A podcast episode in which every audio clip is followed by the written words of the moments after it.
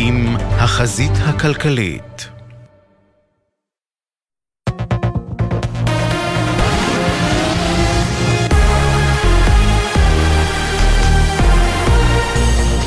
גלי צה"ל השעה 6, באולפן עדן לוי עם מה שקורה עכשיו. הרמטכ"ל רב-אלוף הרצי הלוי הגיע לזירת האסון במרכז הרצועה ואמר בהצהרתו 21 הנופלים נפלו במשימה שבשמה יצאנו למלחמה, ביטחון לתושבי העוטף. אם יש בכך נחמה, הייתי רוצה שתדענה המשפחות. הם נפלו בקרב בסמוך לגדר הגבול, במהלך פעילות הגנה במרחב החוצץ בין היישובים הישראליים לעזה. זו משימה שכל תכליתה לייצר את התנאים הביטחוניים לשובם של תושבי עוטף עזה לבתיהם בביטחון. ביום הזה אנחנו חשים את מחירה הגדול והכואב של מלחמה, אך זו שאנחנו נלחמים כעת היא הכרחית וצודקת מאין כמוה. צה"ל פרסם פרטים חדשים מתחקיר האסון. המחבלים הסתתרו במטעים וירו RPG על המבנה, טנק שזיהה אותם ניסה לפגוע בהם ונפגע גם הוא. המחבלים לא חוסלו. כתבנו הצבאי דורון קדוש עם הפרטים. הרמטכ"ל הלוי ביקר לפני זמן קצר בזירת האסון וביצע תחקיר ראשוני לאירוע. מהתחקיר עולה כי המחבלים הסתתרו במטעים עשרות מטרים מהמבנים בהם שהו הלוחמים וירו RPG שהוא זה שהפעיל את המטענים וגרם לקריסת המבנים. כל 19 הלוחמים הלוחמים שהיו בהם נהרגו. טנק שעמד בסמוך זיהה את חוליית המחבלים, התכוון לירות, אך לפני שהספיק, המחבלים ירו RPG נוסף לעבר הטנק והרגו שני לוחמים נוספים שהיו בו. חוליית המחבלים לא חוסלה. בין הנופלים באסון רב סמל במילואים ניקולס ברגר, צעיר הנופלים, בן 22 מירושלים. דודו מתן סיפר ביומן הערב עם ירון וילנסקי על השבת האחרונה שלהם יחד. שבת האחרונה שהוא היה אצלנו, וזה המזל שהוא יצא שבת. המסר שלו היה חד משמעי. הוא יסיים את המלחמה הזאת, לא היה מוכן להקשיב למשהו אחר. עוד מסר שהוא כן רוצה שכולם יהיו פה חופשים בארץ. אין לנו ארץ אחרת. זה מה שהיה אומר. בשעה זו מובאים למנוחות רב סמל מתקדם במילואים רפאל אליאס מושיוף בבית העלמין הר הרצל בירושלים ורב סמל במילואים שגיא עידן בבית העלמין בראש העין. רב סמל ראשון במילואים יואב לוי מיהוד מונוסון, לוחם בגדוד 8208 שבחטיבה 261, נטמן בבית העלמין בעיר. יסמין, בת זוגו, נפרדה ממנו. ניסה משלי, כמה קסם יש לבן אדם אחד, איך אפשר לתאר אותך בכמה מילים? היית אמור לצאת היום הביתה. בתחילת המלחמה אמרת לי שכשכל זה ייגמר נחזור לחיים שלנו. הצלחת להרגיע אותי ולחכות איתך ביחד לשחרור. היינו אמורים להספיק כל כך הרבה דברים ביחד, הלוואי ויכלת להגיד לי גם הפעם שיהיה בסדר. אוהבת, מעריכה ומעריצה אותך לנצח. המתווה לשחרור החטופים, לאחר שישראל העבירה אתמול את עקרונותיה למשא ומתן, הכוללים הפסקת אש בת חודשיים ושחרור מאות מחבלים, גורם מצרי צוטט בסוכנות הידיעות AP כאומר שחמאס דחה את ההצעה הישראלית, שכללה גם אפשרות להגליית צמרת חמאס מחוץ לעזה. בתוך כך, כתבנו המדיני יניר קוזין מציין כי משלחת משא ומתן של חמאס נמצאת בקהיר, ובישראל ממתינים לשמוע את העמדה הרשמית של חמאס, כפי שתובא על ידי המתווכים של מצרים וקטאר. שרפה בבית במזרח ירושלים. ארבעה בני משפחה חולצו מהבית, פעוטה כבת שנתיים וילד בן שש במצב אנוש. צוותי מגן דוד אדום ביצעו בהם פעולות החייאה. ילד בן ארבע במצב קשה, מורדם ומונשם, ואישה כבת חמישים במצב קשה, מחוסרת הכרה. כולם פונו לבית החולים הדסה הר הצופים.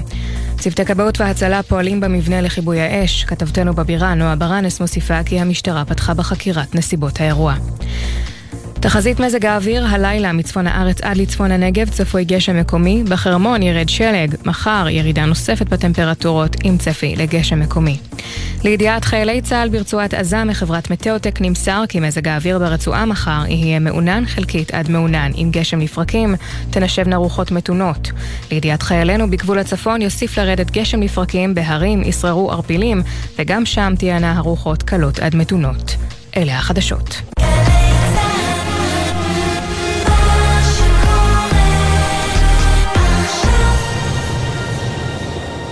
בחסות ארקיע, המציעה מבצע קחו אוויר.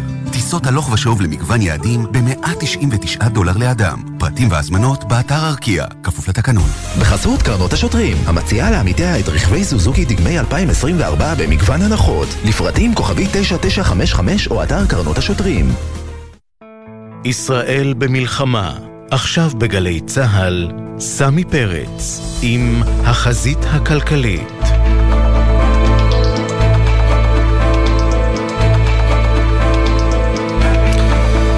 ערב טוב, אתם uh, בחזית הכלכלית. Uh, בשל היממה הקשה הזו בעזה, אנחנו עם uh, תוכנית שונה, פחות כלכלית, יותר סביב המלחמה. יום קשה מאוד בעקבות נפילתם אתמול של 24 חיילי צה"ל, היום הקשה ביותר מאז ה-7 באוקטובר. זה יום שקשה לדבר בו על משהו אחר, להתרכז בעבודה, או סתם לעשות משהו מהנה. גם קשה לדבר על כלכלה ביום כזה. והכי קשה זה לחשוב על המשפחות שאיבדו את יקיריהן, אבא, בעל, בן, אח, ולדעת שמעכשיו הן ייאלצו לחיות עם האובדן. 21 החיילים שנהרגו אתמול בקריסת המבנים בעזה הם אנשי מילואים. בחוויה הישראלית מילואים הם אירוע חברתי, פגישה שנתית עם החברים, התנתקות מהיומיום השגרתי, הרבה קפה שחור וששבש וגם תחושת משמעות. במלחמה הנוכחית נשבר שיא במספר המגויסים למילואים, כ-300 אלף איש השאירו את הבית, המשפחה, העבודה והלימודים מאחור ועלו על מדים. רק שהפעם זה לא מפגש חברתי שנתי, אלא מלחמה. מלחמה אמיתית עם הרוגים ופצועים בגוף ובנפש. לפי נתוני אגף השיקום במשרד הביטחון, מתוך כ-4,000 נפגעים במלחמה הזו, שני שליש הם אנשי מילואים. מתוך 556 חללים, 200 הם אנשי מילואים, ורובם נהרגו מאז הכניסה הקרקעית לעזה. בביטחון השוטף, מי שנושא בעול, לרוב זה חיילי החובה, אבל במלחמה אי אפשר בלי אנשי מילואים. וכשמדברים על שוויון בנטל, לרוב הכוונה לנטל השירות הסדיר, שירות החובה. אולם אחרי שירות מילואים של 100 ימים לפחות, כשברור שהם יקראו שוב למילואים גם במהלך החודשים הקרובים, צריך לדבר גם על נטל שירות המילואים. צריך להכיר ולהוקיר את המשרתים ולזנוח את כל הרעיונות שעלו כאן לפני השבעה באוקטובר, לחוקק חוק לומדי תורה שישווה את מעמד לומדי התורה וזכויותיהם לאלה של המשרתים בצבא. אנשי המילואים משלמים במלחמה הזו מחירים כבדים מאוד בכל מובן אפשרי, ולא מעט מהם שילמו בחייהם. אנחנו לא צריכים מלחמה כדי לדעת את זה, אבל בעיקר לא צריך לשכוח את זה לאחר שהמלחמה תסתיים. אני רוצה לצרף את אה, דורון קדוש, כתבנו לענייני צבא, על האירועים אתמול בעזה, עם פרטים אה, נוספים על מה שקרה שם. ערב טוב, דורון. שלום סמי, ערב טוב. אז הצבא מפרסם עוד קצת פרטים, איזשהו מין תחקיר בירור ראשוני? נכון, זה תחקיר ראשוני כשעדיין, אה, סמי, יש יותר שאלות פתוחות מאשר תשובות, וצריך להגיד בעניין הזה שמהפרטים שאנחנו מבינים כרגע אפשר לשרטט כמה נקודות. קודם כל, זו לא הייתה תאונה מבצעית. זאת אומרת, נכון שמה שהתפוצץ ומה שהקריס את המבנים היו מטענים של כוחותינו, ומטענים שהכוחות שלנו הניחו שם במטרה בסופו של דבר לפוצץ את המבנים האלה. אבל מה שהפעיל ויזם למעשה את הפיצוץ לא היה איזשהו פיצוץ לא מבוקר של כוחותינו, אלא זה היה ירי של טילי RPG של מחבלים שהיו שם בסמוך. המחבלים האלה היו במרחק של כמה עשרות מטרים מהמבנים שבהם שהו הלוחמים, ירו את ה-RPG וזה למעשה זה מה שיזם את הפיצוץ. ועכשיו סמי לשאלות, השאלות הקשות שעולות כתוצאה מהאירוע הזה, ויש לא מעט כאלה. אני חושב שהשאלה הראשונה אה, ואחת החשובות ביותר אה, בעניין הזה כשקוראים את התחקיר זה קודם כל עניין ההגנה. איך יכול להיות שמחבלים חוליה שחמושה היטב בטילי RPG מצליחה להגיע למרחק כל כך קרוב ממבנים שבהם פועלים לוחמים עם אמצעי חבלה שהם רגישים. אירועים מהסוג הזה, פעולות מהסוג הזה שכוחות צה"ל עושים, צריכים להיות מאובטחים הרבה יותר טוב. זאת אומרת, צה"ל היה צריך לוודא שמאבטחים את הכוחות ומאבטחים את כל המרחב הזה, כל ההיקף של המרחב הזה, שהכוחות פועלים בו, כדי לוודא שלא יצליח אף מחבל להגיע לטווח כל כך קצר שעלול לסכן את כוחותינו בצורה כזו מובהקת, ובעניין הזה אחת הסוגיות אולי הכי קשות שתידרש להיבדק, היא האם הייתה כאן מספיק אבטחה. הסוגיה השנייה היא היקף הכוחות שהיו שם במקום. אנחנו מדברים, סמי, על לוחמי מילואים שהזכרת אותם בפתח הדברים שלך, ובסופו של דבר צריך לזכור שרובם לא היו לוחמי הנדסה. זאת אומרת, לא אנשים שעוסקים בפיצוץ באופן ישיר, כי לוחמי הנדסה, כמו באסון שקרה לפני שבועיים במחנה הפליטים אל-בורג', זה אולי אירוע קצת יותר מורכב. זה לוחמים שצריכים ממש לטפל באופן ישיר בעצמם, בכל אמצעי החבלה, בחומרי הנפץ, במטענים. אבל לוחמים אחרים, ספק האם ההימצאות שלהם במקום הייתה הכרחית, ובעניין הזה עוד נקודה שתצטרך להיבדק היא, האם כשצה"ל מתעסק עם כל כך הרבה מטענים וחומרי נפץ וכמויות כאלה גדולות שעלולות לסכן את הלוחמים שנמצאים בסביבתם, האם נכון שיהיו כל כך הרבה לוחמים, 19 בתוך המבנים האלה, והאם אולי לא היה נכון בשלב מסוים של הפעולה, בשלב מוקדם יותר, להוציא את הלוחמים משם ולהעביר אותם למקום אחר, בטוח יותר, גם העניין הזה יצטרך להיבדק. ועוד שאלה מרכזית שעולה, אבל בנוגע אליה אה, צה"ל כן נותן תשובות מסוימות, יש uh, מי שהסתפקו מהתשובות האלה ויש אולי מי שלא, זה עניין התקיפה מהאוויר. האם כשרוצים להשמיד מבנים במרחב הזה, שזה מרחב שידוע שיש בו מחבלים ויש בו ירי מעת לעת, האם לא היה נכון לתקוף מהאוויר? בעניין הזה דווקא כן יש תשובות מסוימות שצה"ל מספק, ואומרים קודם כל דבר אחד, אי אפשר לתקוף הכל מהאוויר, יש כאן אה, לא רק עניין של כלכלת חימושים, אלא זה עניין של התאמת המשימה לד... לדרך הפעולה. זאת אומרת, כשרוצים להשמיד מבנים ותוקפים אותם מהאוויר, התקיפה מהאוויר לא יוצרת השמדה מוחלטת, כמו שיוצרים מטענים וחומרי חבלה וחומרי נפץ, שעושים את זה בצורה הרבה יותר יסודית. ומנגד, יש עוד דרכים שבהם פועלים, לפעמים פועלים מהאוויר, האוויר, לפעמים פועלים באמצעות דחפורי D9, שהם אלה שלמעשה מקריסים את המבנים והורסים אותם, ולפעמים פועלים עם חומרי חבלה כמו במקרה כן. הזה. אחד הנושאים שיצטרכו להיבדק גם, זה האם דרך הפעולה שנבחרה היא הדרך הנכונה, ואולי אפשר לפעול יותר מהאוויר מאשר מה שפועלים היום. כן, אז אנחנו עוד נברר אה, את חלק מהשאלות האלה בהמשך התוכנית. אה, דורון קדוש, תודה רבה בינתיים. תודה, סמי. אנחנו רוצים לעבור לבית העלמין בראש העין, שם נערכת אה, בשעות אלה לווייתו של אה, רב סמל במילואים שגיא עידן, אית, איתנו אה, כתבתנו, כרמל אייל, את שם. שלום סמי, כן, מאות נמצאים כעת בהלווייתו של רב סמל במילואים שגיא עידן, שנפל אתמול ברצועת עזה. הם מגיעים לאחר שליוו אותו לכל אורך הדרך לכאן לבית העלמין שבראש העין כשהם מחזיקים דגלי ישראל. שגיא תושב העיר, ראש העין, בן 24 בנופלו. היה לוחם בגדוד 8208 בחטיבה 261. חבר שלו סיפר לנו על בחור שקט וצנוע, שנתנו לו אפשרות לוותר על שירות המילואים, אבל הוא התעקש להמשיך. יש לו גם אח שהוא חייל בסדיר, סיפר לנו אותו חבר. כעת אנחנו נלווה יחד עם שאר האנשים שהגיעו לכאן שגיא בדרכו האחרונה. כרמל אייל, תודה רבה. אה, ומפה לכתבתנו יובל מילר, שתדווח מבית העלמין בהר הרצל, בלוויה של אה, רב סמל במילואים, רפאל אליאס אה, מושיוב, שגם הוא בעצם נהרג באותו אירוע בקריסת המבנים בעזה. שלום יובל. כן, שלום סמי. אז למעשה לפני מספר דקות הסתיימה הלווייתו של רב סמל במילואים אלקנה יהודה ספז. וכבר עומדת להתחיל הלוויה נוספת כאן בחלקה הצבאית בהר הרצל. הלווייתו של רב סמל מתקדם במילואים רפאל אליאס מושיוף, הוא בן 33 בנופלו מפרדס חנה כרכור. הוא היה לוחם בגדוד 6261 בחטיבה 261, אחד מ-21 הנופלים אתמול באסון קריסת המבנים הממולכדים ברצועת עזה. אותי אחריו אישה אה, ותינוק בן שנה. מאות הגיעו למקום למרות הגשם השוטף והקור הירושלמי. הכרוז כאן ביקש מאנשים מיד בתום הלוויה לעזוב כדי להכין את המקום להלווייתו של רפאל. אנחנו כמובן נעדכן מיד כשהיא תתחיל. תודה רבה יובל. תודה. אה, אני רוצה לפנות למוריה טעסן אה, מיכאלי. ערב טוב.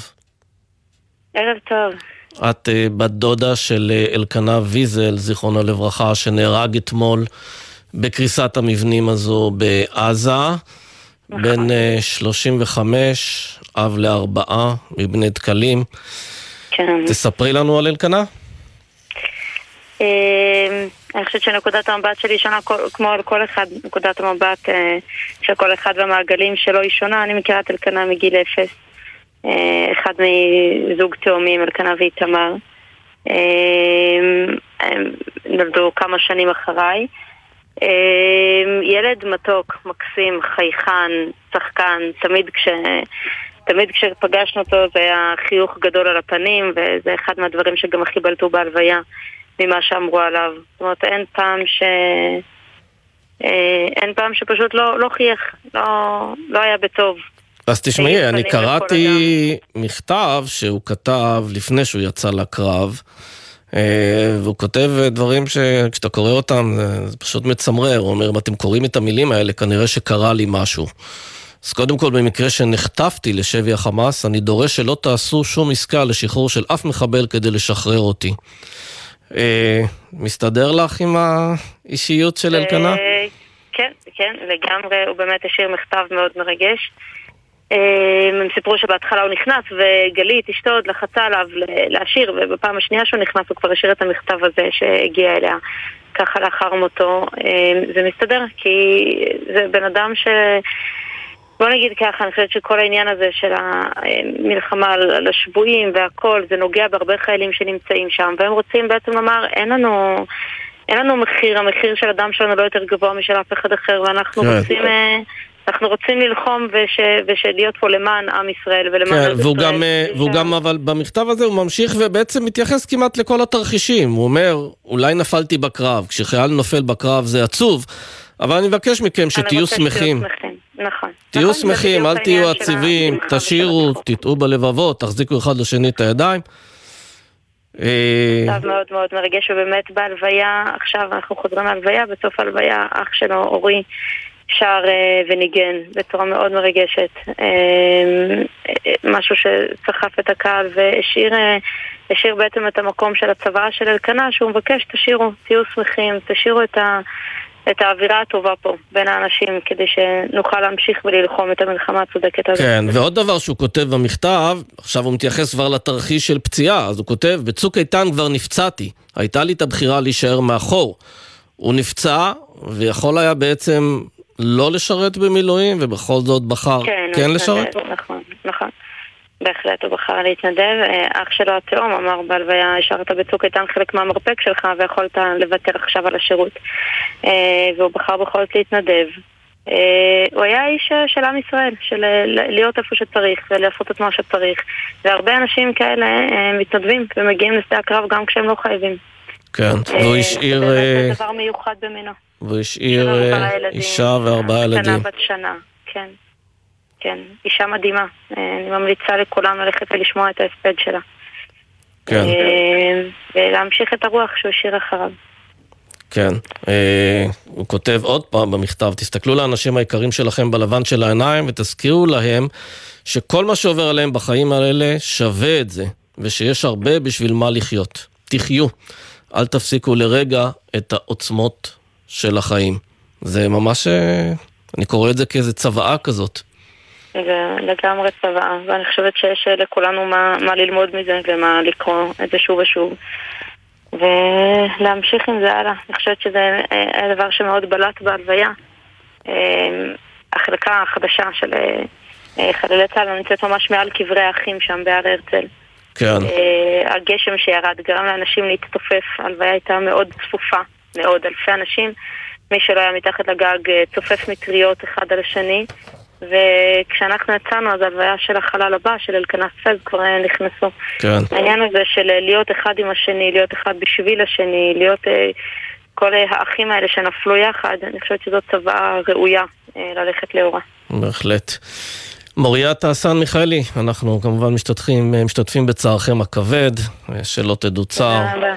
ויהי זכיר ברוך של אלקנה ויזן, זיכרונו לברכה. אמן. תודה. אמן. כל טוב. אה, איתנו אה, שר הביטחון והרמטכ"ל לשעבר, רב אלוף במילואים, אה, משה בוגי אילון. ערב טוב.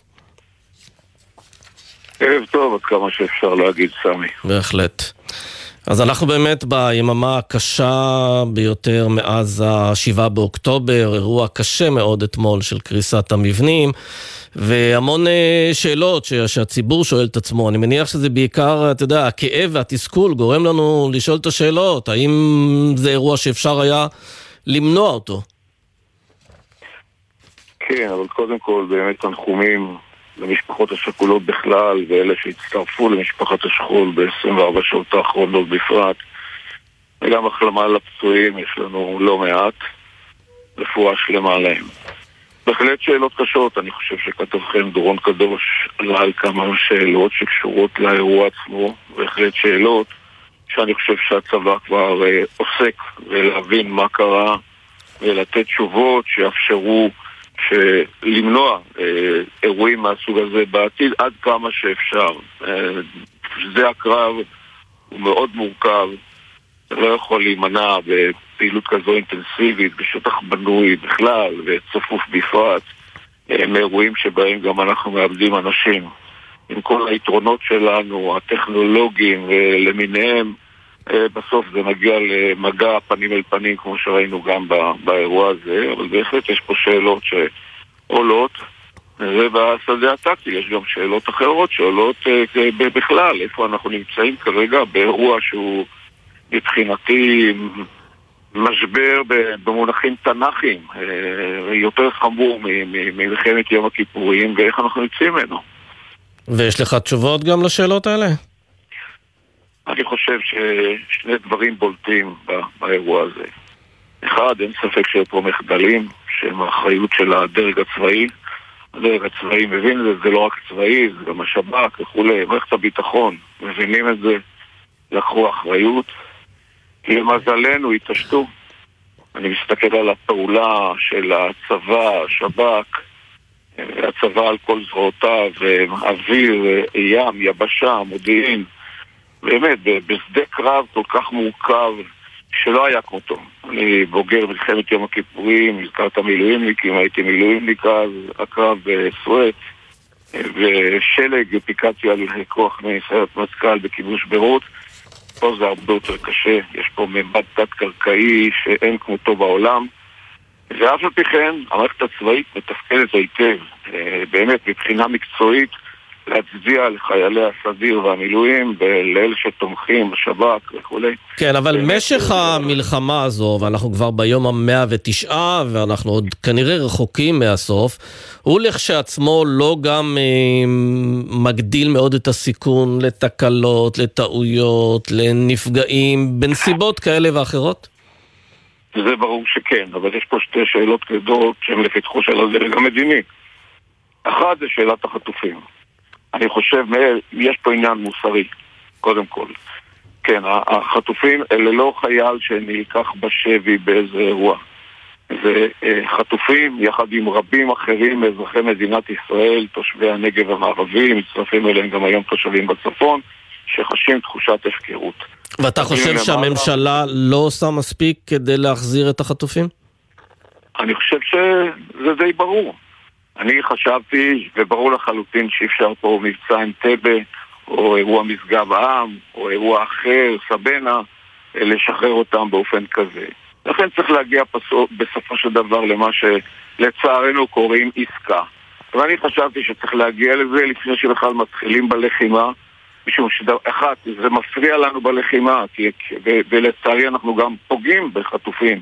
כי אם אתה יודע על מנהרה, והכרנו חימוש שפוגע במנהרות באפקט של רעידת אדמה, בסוף אם יש שם חטופים, הם נהרגים מזה, או כשאתה כוח מתקרב ולא יודע אפילו שבקרבת מקום יש חטופים, אז השובים שלהם יורים בהם, יש לנו כבר מקרים כאלה. נכון, אז, אז מבחינת סדרי אנחנו... העדיפויות של, ה, של, ה, של הממשלה כרגע, אתה חושב שהיא צריכה לעצור את הלחימה ולטפל קודם כל בשחרור החטופים, ואז לחזור ללחימה? יש הסדר כזה? יש אפשרות להגיע לסידור כזה? תמי, זה היה צריך להיות לפני שהתחלנו בלחימה, אבל גם כשכבר הגענו לעסקה, אני מזכיר, שהנושא של החטופים לא הוזכר על ידי ראש הממשלה בתחילת המלחמה הזאת וכשזה כבר הגיע, ולא ממנו, אלא מזה שהרמטכ"ל מינה את ניצן אלון וסוף סוף מישהו שמטפל בזה, כן מתאם שון ליד ראש הממשלה, לא היה, הוא מינה, אבל מישהו שעדיין לא, לא נכנס עד עכשיו לעניין. ובסופו של דבר גנץ ואייזנקוט נכנסו לקבינט והכניסו קצת שפיות והביאו עסקה לקח לו שמונה ימים לאשר משהו באיחור, ובשמוניים האלה גם איבדנו אנשים. למה? כי כרגע המצב הפוליטי הוא כזה שהמדינה מוחזקת כבת ערובה, כולנו בני ערובה, של משיחיים כמו בן גביר וסמוטריץ', שבן גביר הצביע נגד, וסמוטריץ' היה מוכן להצביע בעד, בסופו של דבר, על עסקת הילדים וה, והאנשים, בתנאי שזה לא יימשך יותר מעשרה ימים, למרות שהחמאס הציע להמשיך, הציע לשחרר מבוגרים. כן, אבל גם הרמטכ"ל, אבל גם הרמטכ"ל ושר הביטחון וגם ראש הממשלה אמרו שהלחץ הצבאי הוא זה שיביא את החטופים. Uh, השאלה אבל אם התפיסה הזו בעצם uh, לא עומדת במבחן המציאות. אולי זה הביא בסיבוב הראשון, בסיבוב הזה זה עושה את ההפך? ועוד איך. ועובדה, אנחנו נקבל פחות אנשים חיים כתוצאה מזה שאנחנו מדברים כבר על היום המאה ותשעה בלחימה ואיבדנו אנשים בדרך, לצערי גם כאלה שיצאו, הצליחו לחלץ משוביהם ובטעות ירינו בהם. לכן זה היה צריך להיות בתחילת. בתחילת הדרך תחת האיום של המהלך הצבאי. כן, אבל כרגע, זה, זה, כרגע זו הסיטואציה, ואומר uh, השר גדי איזנקוט, אמר בשבוע שעבר שהממשלה לא אומרת את האמת לציבור, uh, ואני מניח שהוא מתכוון לזה שכשראש הממשלה אומר אנחנו גם uh, נשמיד את יכולות החמאס, את הצבאיות והשלטוניות, וגם נחזיר את החטופים כולם, זה פשוט לא אמת, כי אם אתה תעשה קודם... את השמדת החמאס זה ייקח הרבה מאוד זמן, יכול להיות גם משימה של שנים, ואז בוודאות אה, רוב הסיכויים שלא תצליח מסכים, להחזיר חטופים סמי. בחיים. אני מסכים לחלוטין עם האמירה של גדי איזנקוט, לחלוטין, והוא בקיא בהכל, הוא רואה את הפרטים אה, באופן מדויק. ואני חושב שמה שמאיים על ראש הממשלה כרגע זה לא החמאס, זה בן גביר וסמוטריץ' שיפרקו את הקואליציה, כלומר, ההישרדות האישית שלו מכתיבה גם את נושא החטופים. זה באמת סכנה, זה, זה, זה הזוי וזה סכנה, אבל זה לא רק זה. אנחנו, מה מצב הסיום של המלחמה הזאת? צועק את זה הרמטכ"ל, צועק את זה גם גדי איזנקוט ובני גנץ. הקבינט נמנע מלדון לאן רוצים להוביל את המערכה. זה היה צריך להיות דיון בשמונה בחודש, בשמונה באוקטובר. אנחנו התחלנו מלחמה בלי שהגדרנו מה רוצים. יש לנו הצעה אמריקנית שהונחה על השולחן בשבוע הראשון. באופן חסר תקדים מגיע לנשיא ארצות הברית לקבינט הישראלי, ומגיעים נציגיו, יועץ לביטחון לאומי, מזכיר המדינה, מזכיר ההגנה. שם הצעה שאני לא רואה משהו יותר טוב מזה, בכל דבר יש uh, יתרונות חסרונות. הוא מציע שמי שינהל את העניינים ברצועת עזה זו ועדה מקומית. מי זה הוועדה המקומית? והוא מסכים איתנו שלא חמאס. הוא מסכים איתנו, זה חלק מהניצחון שלנו, שהחמאס לא ישלוט ברצועה. אז מי זה יכול להיות ועדה אזרחית? רק מישהו שהוא כנראה מ... מהרשות הפלסטינאית. כן, אז בהינתן, אז בהינתן הצבת הזו שבה נמצא אה, ראש הממשלה, מה אתה מציע לשרי המחנה הממלכתי? לגנץ, לאייזנקוט, אולי לגדעון סער? אני חושב שבאין ברירה, שמסתבר שעוד לפני השבעה באוקטובר, מה שהוביל את ראש הממשלה זה הישרדותו האישית. הוא הוזר על ידי שר הביטחון שלו גלנט במרץ. עצור את ההפיכה המשטרית, כי זה סכנ... זו סכנה ברורה, מיידית אה, ומוחשית לביטחון המדינה. וה... והרמטכ"ל אומר לו, אני חייב להגיע לקבינט, להסביר את ההשלכות של החקיקה הזאת. הוא לא אפשר לו עד היום להגיע לקבינט. אני הזהרתי, כל מוצאי שבת במחאה, כן, אנחנו אשמים, המחאה פתאום אשמה, לא הוא. הרי המחאה היא נובעת מכל התהליך הזה מההפיכה המשטרית. ואני מסביר בכל מוצאי שבת, ואני אומר, לא בכדי ותיקי מלחמת יום הכיפורים יצאו ראשונים למחאה, כי התחושה שלנו אותה תחושה, רק שאז זה היה איום חיצוני לממשלה שטעתה. פה זה איום פנימי לממשלה שפועלת בזדון.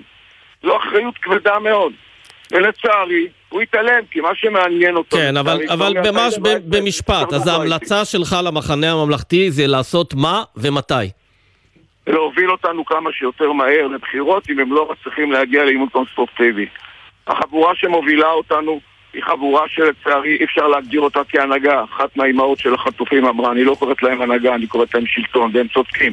והם נאחזים בשלטון, ומוכרים פה את הנכסים החשובים של המדינה, וזה עוד לא נגמר. זה גם ביטחוני, זה גם כלכלי, זה גם ערכי, ולכן חייבים, המחנה הממלכתי, להגיד מתישהו עד כאן. כן. אני בטוח שגם יצטרפו אליהם כאלה מהקואליציה, כן. להוביל אותנו כמה שיותר מהר לבחירות. רב אלוף במילואים בוגי יעלון, תודה רבה לך. תודה, ושנדע באמת ימים טובים יותר. בהחלט. אה, אנחנו רוצים לעבור לאלוף במילואים אחר, אלוף אה, נמרוד שפר, שלום. ערב טוב, סמי. טייס קרב לשעבר, ראש מטה חיל האוויר וראש אגף התכנון, ואתה יודע, אתמול כשהתחילו לרוץ השמועות על מה שקרה בעזה, על קריסת המבנים, אה, אז אה, אתה יודע, זה כמובן מייצר אצל כולנו תסכול וכאב וגם שאלות, וגם היום, כשהתברר בדיוק מה קרה, כל קבוצות הוואטסאפ, השאלות הראשונות שאנשים שואלים, למה לא היה שם חיל אוויר? למה לא הורסים מבנים באמצעות מטוסים? יש לך תשובה לשאלה הזו? קודם כל הורסים הרבה מאוד מבנים באמצעות מטוסים ובשלושת השבועות הראשונים של המלחמה זה מה שצה"ל עשה במלוא העוצמה הרס המון מבנים באמצעות מטוסים הסיבה הייתה שזה היה אזור מאוד מאוים. הם פילסו את הדרך לכוחות שבאו אחריהם.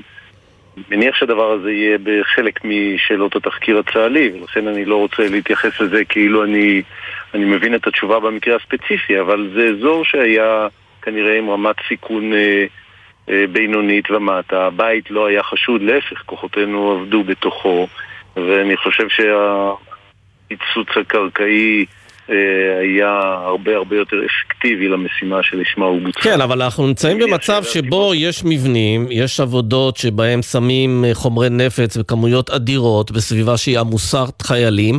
זה נשמע כמו משהו מאוד מאוד מסוכן, זה כמו, אתה יודע, להדליק אה, גפרור בתחנת דלק, רק ניצוץ קטן והדבר הזה מתפוצץ. השאלה, אם זה לא יגרום לאיזשהו שינוי במתכונת ההפעלה של צה"ל במצבים כאלה, יותר מהאוויר ופחות אה, לסכן כוחות עם... אה, כמויות אדירות של חומרי נפץ.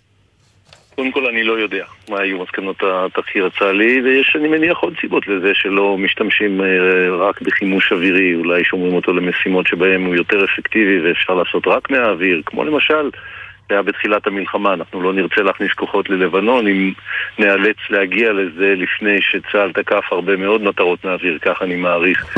אני סומך על צה"ל שאם זאת תהיה מסקנת התחקיר המבצעי, אז אה, אולי יהיה שינוי מרכז כובד לכיוון אה, יותר חימוש אווירי, אני לא בטוח. כן, לא, אני, אתה יודע, אחת התהיות זה האם, אה, אתה יודע, יש איזה כלכלת חימושים חיל אוויר, אנחנו, אנחנו צריכים את זה לדברים אחרים, ללבנון, למקומות כאלה, ובשם הכלכלת חימושים הזו, אתה, אתה מסכן לוחמים שלא לצורך. אבל רגע, בוא נחשוב רגע על כלכלת חימושים, אתה אמרת, זה נראה מונח קצת אה, אולי סטרילי מדי, אבל אם נחשוב על כמויות החימוש האדירות שהגיעו הנה מארצות הברית ואולי ממקומות נוספים במהלך החודשים האחרונים, אז נראה שכלכלת חימושים זה דבר חיוני במלחמה, ואולי אם נשתמש עכשיו בפצצה היא תחסר לנו בעתיד במקום הרבה יותר מסוכן. אז אני, שוב, לא רוצה לעשות את התחקיר הצה"לי, אני סומך על צה"ל שיעשה את זה, אבל אה, יש סיבות לזה, ו... אם צה"ל יחליט לשנות את uh, דפוס הפעולה, אז הוא יעשה את זה. אני רק, אני לא משוכנע שזאת תהיה המסקנה. אני באמת לא יודע. כן, טוב, אז אנחנו באמת נחכה לתחקיר הצה"לי. אני רוצה לשאול אותך בעניין uh, הזירה הצפונית. ראינו היום שיגורים מלבנון שפגעו בבסיס חיל האוויר במירון, uh, יחידת הבקרה האווירית. זו תקיפה שנייה תוך חודש. מה אתה יודע להגיד לנו על הבסיס הזה, על הנזק שנגרם שם? הנזק שנגרם שם הוא נזק מינורי, סך הכל הבסיס הזה הוא אחד מבסיסי ההתראה של צה"ל ושל חיל האוויר של מדינת ישראל, זה לא, לא סוד. לפי הדיווח של דובר צה"ל, אז הפגיעה הייתה מינורית ולא נפגעה היכולת המבצעית שנמצאת בבסיס הזה. זה מה שאני יכול להגיד. הבסיס הזה אבל, אה, איך נקרא לזה, ממוגן, אה, כלומר מבחינת הגנה אקטיבית שם, מתוך הבנה שזה באמת אה, מקום מאוד רגיש ומאוד קריטי לעבודה של חיל האוויר בצפון? הבסיס הזה הוא קריטי לעבודה של חיל האוויר ושל צה"ל, והוא מוגן הכי טוב ש... שצה"ל יודע להגן עליו. אין שום דבר הרמטי במלחמה וגם לא הגנה, ולכן אנחנו צריכים להניח שמדי פעם ייפגעו דברים. ראינו את זה גם ביום עצוב מאוד של, אה, של אתמול. אה, ואין שום דבר הרמטי. אני חושב שאם הוא לא היה מוגן, הפגיעות אולי, פוטנציאל, היו הרבה יותר חמורות. וחלק מזה שהפגיעה היא באמת מינורית, נעוצה בזה שהוא מוגן היטב. כן. אלוף במילואים נמרוד שפר, תודה רבה לך. בבקשה, להתראות. להתראות. אה, אנחנו נצא להפסקה ממש ממש קצרה ותכף נחזור ונברר מה קורה בבארי, נדבר עם חיים ילין על אה, אה, מה שקורה שם וגם נקפוץ חזרה לצפון עם עמית סופר, ראש, מועצת, ראש המועצה האזורית מרום הגליל, כבר חוזרים. אתם מאזינים לגלי צה"ל. הגרלת דירה בהנחה חדשה על אלפי דירות בכל רחבי הארץ. כי הבית שלנו הוא פה. גם פה. פה. וגם פה. ובכל מקום בארצנו מהצפון ועד הדרום. במיוחד היום. ממשיכים לבנות דירות ומניעים את ישראל קדימה. חפשו בגוגל דירה בהנחה, הרשמו להגרלה, ויחד ננצח, ונמשיך לבנות את הבית. משרד הבינוי והשיכון ורשות מקרקעי ישראל. כפוף לתקנון. אחינו כל בית ישראל, הנתונים בצרה ובשביה, העומדים בין בים ובין ביבשה. המקום ירחם עליהם, ויוציאם מצרה לרווחה, ומאפלה לאורה, ומשעבוד לגאולה, השתה בעגלה ובזמן קריב, ונאמר אמן. כולנו מייחלים עם זיו שילון להשבת החטופים במהרה ובשלום. משעבוד לגאולה, מאפלה לאורה. שלום לכם, כאן אבשלום קור. שלג על עירי הוא בכלל לא שיר על שלג, הוא שיר לט"ו בשבט. מחרתיים ט"ו בשבט. בפינתי מחר אסביר מה הסיפור. בבוקר לפני שש, בערב לפני חמש.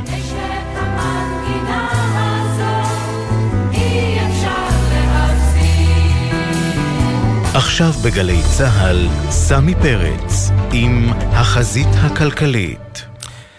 טוב, חזרנו, וזה נשמע אולי קצת אה, לא מציאותי, אבל בעוד חודש אמורים לחזור אה, התושבים של היישובים שמוקמים 4 עד 7 קילומטר מהגבול, ובעוד חצי שנה גם היישובים שצמודים לגדר. איתנו בעניין הזה כתב הפנים, שי ישראל, ערב טוב. ערב טוב, סמי. נכון מאוד, אז אין ספק ששיקום העוטף זו אחת מהמשימות הלאומיות חשובות ביותר.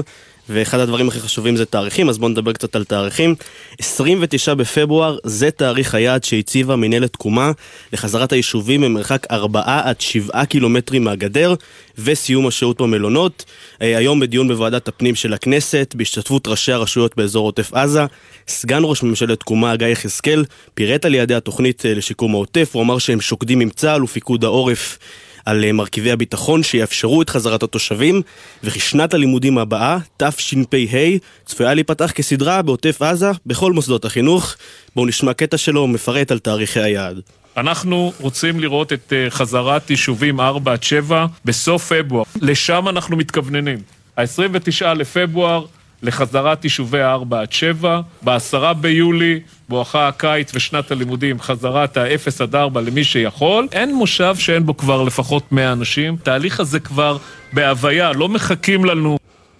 כן, שים לב סמי שאומר גם שהתושבים שנמצאים פחות מארבעה קילומטרים מהגבול, גם היישובים צמודי הגדר, צפויים להתחיל לשוב בעשרה ביולי, בעוד כחצי שנה, לפי מנהלת תקומה.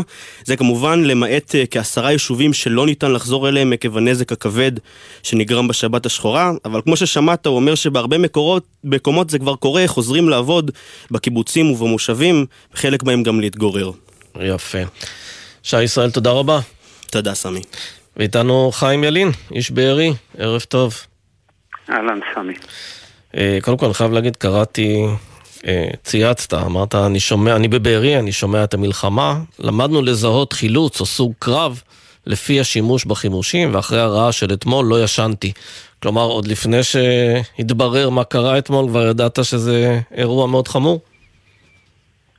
לא, לא ידעתי שזה אירוע מאוד חמור, אבל ידעתי שזה אירוע חמור. כי כל אירוע מסוג כזה הוא אה, לעולם לא מסתיים בטוב אה, וגם אה, אני חושב על המשפחות. כן. על המשפחות שבעצם נשארים בלי הדבר היקר מכל, זה הילד. ומה אנחנו עושים עם האובדן ועם הכאב העמוק הזה. גם של המשפחות, גם שלנו כשאנחנו שומעים את זה, וגם בתקווה ש... חייב, וחייב להיות יותר טוב.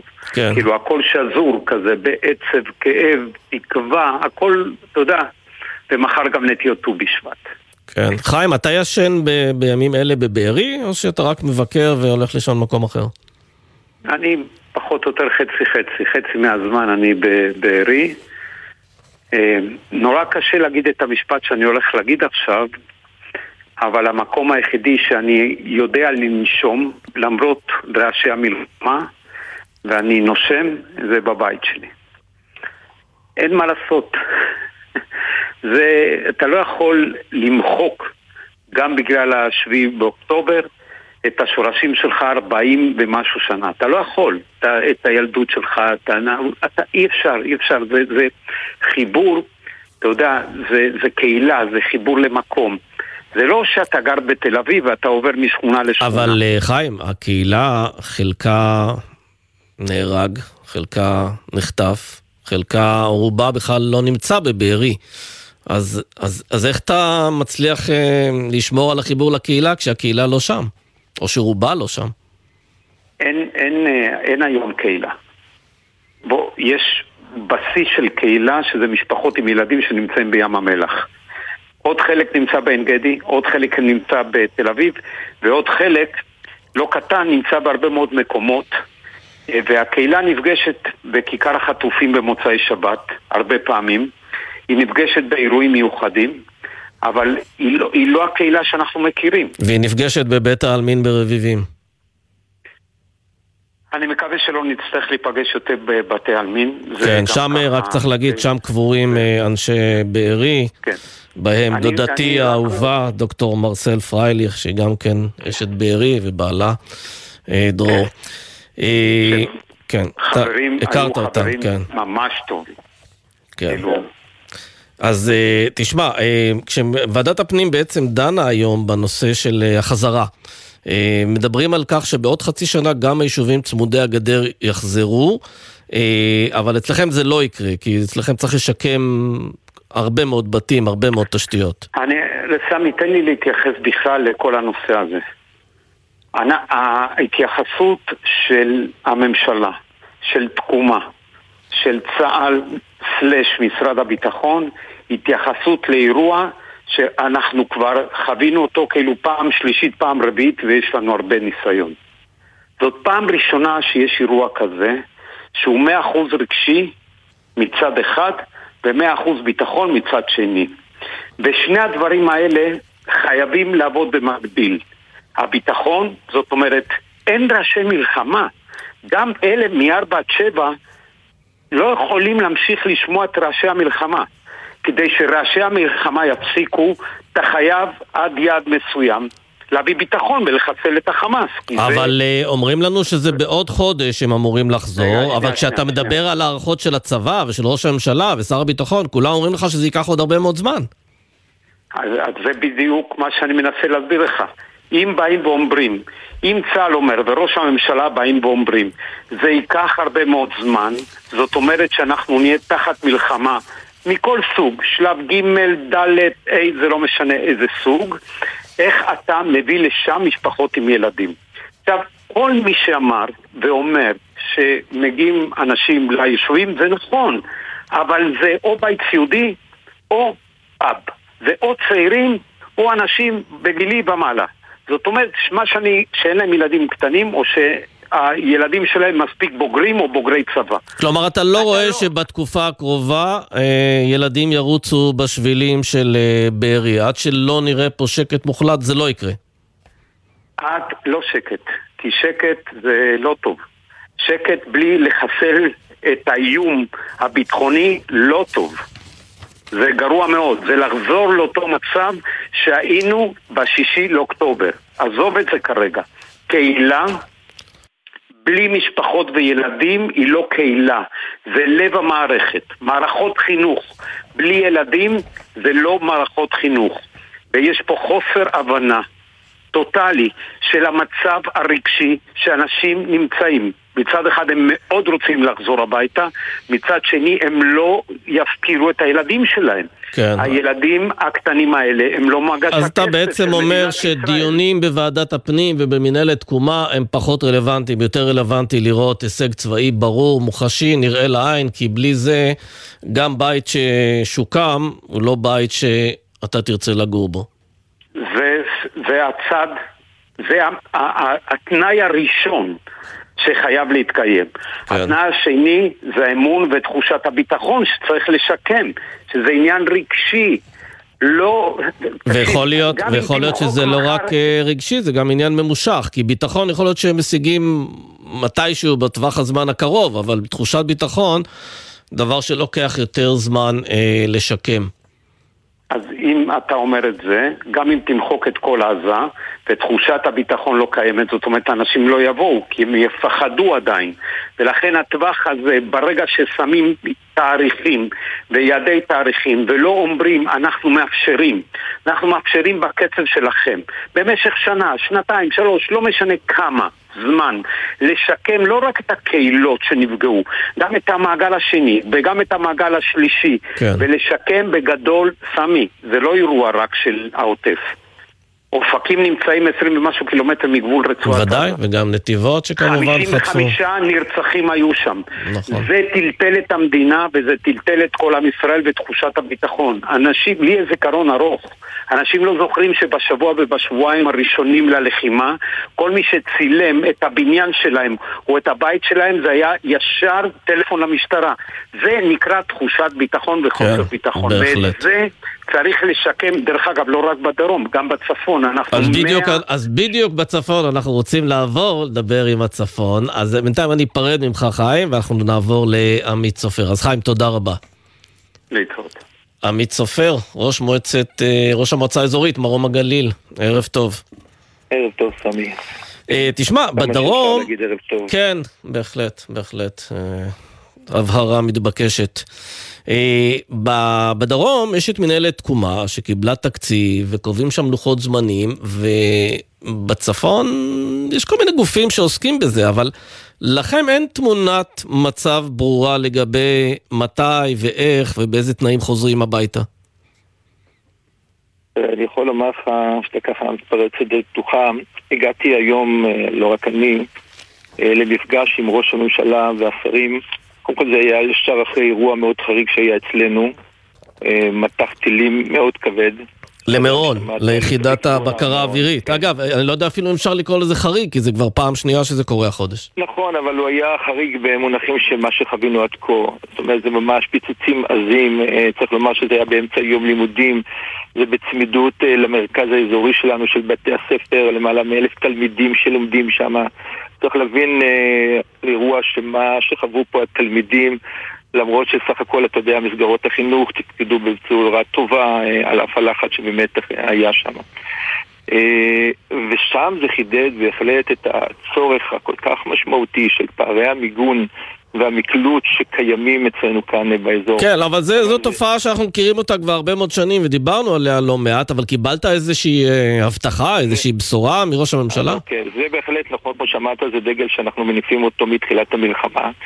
אבל uh, אני חושב שדווקא הפעם התרשמנו שראש הממשלה והשרים היו מאוד קשובים.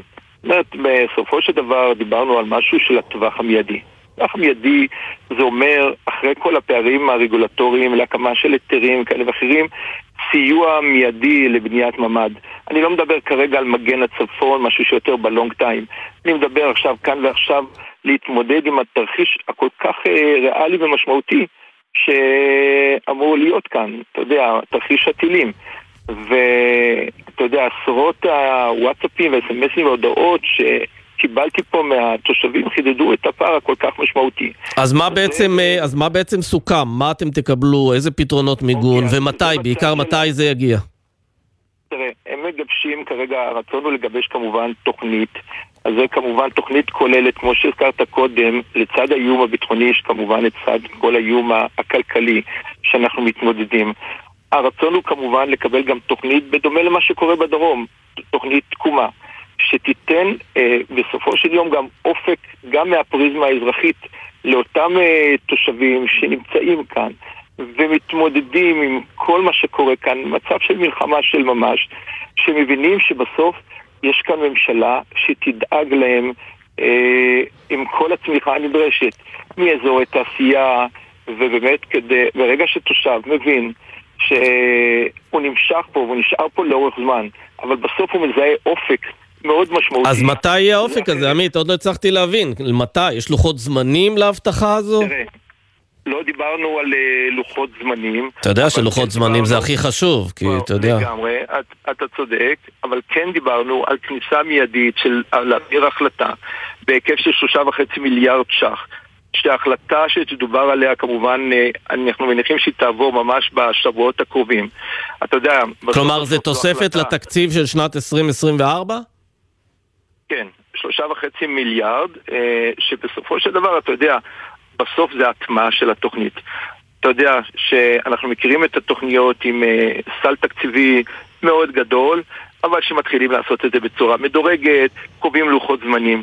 מאוד היה חשוב לנו שבתוכנית הזאת, וגם הדגשתי את זה באופן אה, ישיר לראש הממשלה, מאוד חשוב לעשות פה ריץ' אה, כזה, אתה יודע, את החיבור של אה, ראשי הרשויות שמכירים היטב את הצרכים, יודעים לזהות, למפות, כן. כדי להיות שותפים לתוכנית הזאת. ברור. אני רוצה לשאול אותך, עמית, פשוט אני זוכר את האירוע בכפר יובל, שבו נהרגו ברק איילון ואימו מירה לפני, נדמה לי, עשרה ימים. מאז אותו אירוע, עוד פחות אנשים מסתובבים ביישובים הסמוכים לגדר? תראה, אין ספק, אה, אתה בטח זוכר גם את האירוע שהיה פה לפני יומיים, טיל נ"ט אצלנו ביישוב אביבים. נכון. יישוב אה, בכפר יובל זה, זו גזרה אחרת יותר, אבל אין ספק שהופק הלקח. ואני יכול לומר לך, הלקח שהופק כתוצאה מהמקרה של משפחת אלון, הציל פה גם חיי אדם במושב אביבים, של אותו תושב, של הבן והאבא של כיתת הכוננות, שמיד אחרי האירוע דרשנו מהם אה, לעבור אה, למקום אחר, לבית אחר שפחות נצפה, כדי שבסופו של דבר חלילה לא ייפגעו. צריך לומר שיש פה נצפות של 24-7. אנחנו רואים את זה, ואנשים נמצאים ממש בסכנה של ממש. אנחנו נדבר על אותם, אותם כיתת כוננות שנמצאים ביישובים. יש כמובן את האתגרים של אותם יישובים שהם לא מפונים, שזה אתגר בפני עצמו. כן, שזה קצת, אה, מה שנקרא, במדרון אחורי קצת. נכון, אבל זה גם אתגר, זה עדיין אה, תלמידים שלומדים במסגרת אה, מאוד מצומצמת, במקלטים, אתה מבין, אנחנו לא מדברים פה על שבוע-שבועיים, מדברים פה על אה, למעלה משלושה חודשים, עם אה, זמן ממושך, ולא רואים גם את הצפי, אה, זה אתגר בפני עצמו. כן, טוב. זה חלק, מה, זה רק... חלק מהדברים ש... אני רק רוצה להגיד, לתת לך טיפ, שאתה יודע, אם הבטיחו לך שלושה וחצי מיליארד שקלים, אז תמסמר את ההבטחה הזו, שזה לא ייראה כזה ששלחו אותך הביתה עם הרגשה טובה, אבל איכשהו זה מתמסמס, כי בימים אלה צריך גם לאשר את התקציב. נכון, תראה, אני לא רואה את זה מתמסמס, אתה יודע, אמירה של כל, אה, מול כל ראשי הרשויות, של כל uh, הממשלה עם הקבינט הביטחוני, אמירה מאוד ברורה שנכנסת כרגע ליישום. אני אומר לך שוב, בשונה מהפגישות הקודמות, אני עם תחושה אחרת. יופי, יופי. למי... האמת, אם יצאת עם תחושה אחרת, אז אנחנו בעד. אבל עמית... אתה יודע, כולנו כן. מקווים שזה יתממש ויפה בהחלט, ותעדכן אותנו אם לא. עמית סופר, ראש המועצה האזורית מרום הגליל, תודה, תודה. אה, אנחנו עוברים לדיווח של כתבנו המדיני, יניר קוזין, האם יש אה, הצעה לעסקת חטופים חדשה? שלום, שלום סמי. תראה, אה, בגדול ישראל אתמול הניחה, אם תרצה, את העקרונות שלה למשא ומתן. אה, אפשר לקרוא לזה הצעה ישראלית, והעבירה אותה אל המתווכים, והסיבה לכך היא כי היום יש משלחת של חמאס שנמצאת אה, במצרים, שהיא בעצם אה, אמורה לדון בין היתר גם בהצעה הזאת. בגדול, אם אנחנו נצטרך לתת בה סימנים, מדובר בסוג של שילוב של הצעות ששמענו אה, בחודש האחרון, שכינו אותה הצעה אה, קטרית או הצעה מצרית, מדברת על שחרור של כל החטופות והחטופים, שישראל מוכנה, סמי, לצאת להפסקת אש של כחודשיים, אולי אפילו יותר מזה, והשחרור של החטופים מתבצע בפעימות, כמובן מתוך הבנה שחמאס לא ירצה לשחרר את כולם בבת אחת. בתמורה, ישראל כאמור תצא לחודשיים של הפסקת אש לפחות, תשחרר מאות מחבלים, חלקם מחבלים עם דם על הידיים, ולפחות על פי מה שעולה... כולל אה, נוח'בות מה-7 באוקטובר? זה לא ברור. אה, זהות המחבלים לא ברורה, להבנתי ישראל לא מוכנה לשחרר את, אה, מחבלי הנוח'בה של 7 באוקטובר. אגב, חמאס דורש לשחרר גם אותם, אבל אה, לפני משהו כמו שעתיים בערך מופיעה ב-AP ידיעה מפי בכיר מצרי שאומר שחמאס דחתה את ההצעה הישראלית, הוא מונה את הפרטים שאנחנו מנינו עכשיו ומוסיף גם את האפשרות שבחירי החמאס יוגלו מעזה למקום אחר גם את זה הם דוחים. עדיין חמאס דורש, לפחות ככה על פי AP, דורש את הפסקת המלחמה. כשאתה מדבר עם גורמים בארץ, אה, סמי, הם אומרים לך, בואו, נחכה, לא קיבלנו עדיין את התגובה הרשמית, לא של קטר ולא של מצרים, שאמורות להביא לנו את התגובה הרשמית של חמאס. אנחנו רוצים עוד להמתין ולראות מה קורה עם העניין הזה. כאמור, המשלחת של החמאס נמצאת במצרים. נדמה לי, לפחות לפי מה שאני מבין בעבר, כאשר יש מתחילים לצאת דיווחים על uh, דחייה של המתווה, או דברים כאלה, זה לא אומר שאנחנו מתקרבים, זה גם לא אומר שזה מבטל את זה לגמרי, אבל בטח שייקח פה עוד הרבה זמן. המטרה של קטר ושל מצרים היא לגשר על הפערים האלה. כן, אבל, כן, אבל פריצת דרך עדיין אה, אנחנו לא שומעים שיש. לצערנו הרב עדיין לא, אבל מדברים, וגם את זה צריך להגיד, בשונה ממה שהיה פה לפני שבועיים, מדברים בצורה יותר עצימה, בתקווה שזה יביא גם איזושהי תוצאה טובה. מאה אחוז. יניר קוזין, תודה רבה. תודה, סמי. אה, איתנו שירה שפי, כתבתנו לענייני רווחה, שלום. שלום, שלום סמי. ואת מדווחת על הדיון שהתקיים היום אה, בכנסת, על הפגיעות אה, המיניות בחטופות בעזה. מה היה שם? נכון מאוד, אז אה, הבוקר התכנסה לראשונה שדולה חדשה בכנסת שמטרתה לפעול למען נפגעות אלימות מינית במלחמה לדיון כמובן בנושא מצב החטופים שעדיין בשבי. אה, בדיון הזה נכחו אה, נציגי המשפח, המשפחות, נציגים אה, מארגוני נשים שונים שעוסקים בנושא הזה כבר כמעט ארבעה אנשים מפרוץ המלחמה, נציגי משפחות החטופים וגם משוחררות מהשבי, אחת מהן הייתה אביבה סיגל, היא נחטפה עם בעלה קיט מקיבוץ כפר עזה ושוחררה, הגיעה לדיון הזה אחרי שאת הלילה היא עשתה מחוץ לבית ראש הממשלה בירושלים במחאה לפעול לעסקה להשבת החטופים שעדיין נמצאים בשבי. אה, בדברים הקשים שאמרה היא העידה שהמחבלים אה, ברצועת עזה הפכו את הבנות לבובות על חוט. בואו נשמע את הדברים שלה. המחבלים מביאים בגדים לא הולמים והפכו את הילדות האלו לבובות שלהם. בובות על חוט שאפשר לעשות איתן מה שרוצים, מתי שרוצים. אני לא יכולה לתאר לעצמי מה הן מרגישות. הייתי שם 51 יום, לא היה דקה שלא עברנו משהו של התעללות. אה, גם בתה של אביבה, שיר, ישבה לצידה ותקפה את אה, חברי הקבינט. היא אמרה להם די לשבת בוועדות, תתחילו לצעוק איפה שצריך, תלכו לישון כל יום ותשאלו את עצמכם אם עשיתם מספיק כדי להחזיר את הילדים שלכם חזרה הביתה. משוחררת נוספת שדיברה בכינוס השדולה הזאת הייתה חן גולדשטיין אלמוג. היא שוחררה עם שני ילדיה מהשבי, והיא הציפה את הדאגות שמלוות אותה מהרגע שהיא יצאה מרצועת עזה לגבי מי שנשארו מאחור. בואו נשמע גם את הדברים שלה. אנחנו צריכים לייחל לזה שהמחזוריות של הבנות שם נפגעה. יש שם בנות שלא קיבלו כבר כמה זמן מחזור, כנראה בגלל איזושהי הגנה של הגוף או תנאים של השבי. הלוואי וזאת תהיה ההגנה עליהם, שהם לא יקבלו מחזור וככה חלילה לא יוכלו להיכנס להם. התנאים שם מאוד קשים. אה, זו כאמור הפעם הראשונה שהשדולה הזאת מתכנסת אה, וכרגע עדיין לא ידוע לנו מה הפעולות הקונקרטיות שהיא תנקוט אה, בשביל לפעול במטרה המאוד חשובה הזאת, אז אנחנו כמובן נמשיך לעקוב. כן, שירה. טוב, מהדיווחים הבאמת קשים האלה. תודה רבה, שירה שפי. תודה. זהו, סיימנו. נגיד אה, רק תודה לעורכת שלנו נועה ברנס, למפיק גיא אדלר, לביצוע הטכני אור מטלון, עורך הדיגיטל יוסי ריס, מיד אחרינו טלי ליפקין שחק, ועכשיו אביתר בנאי.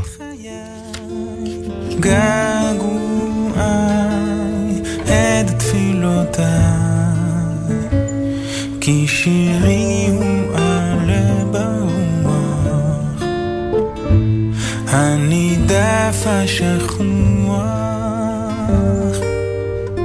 הוא האור הרך הנפקח בלילותיי.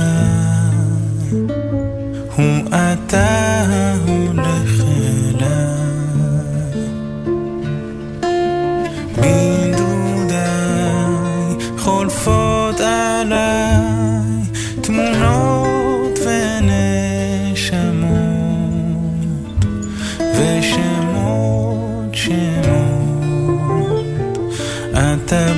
והולך אליי.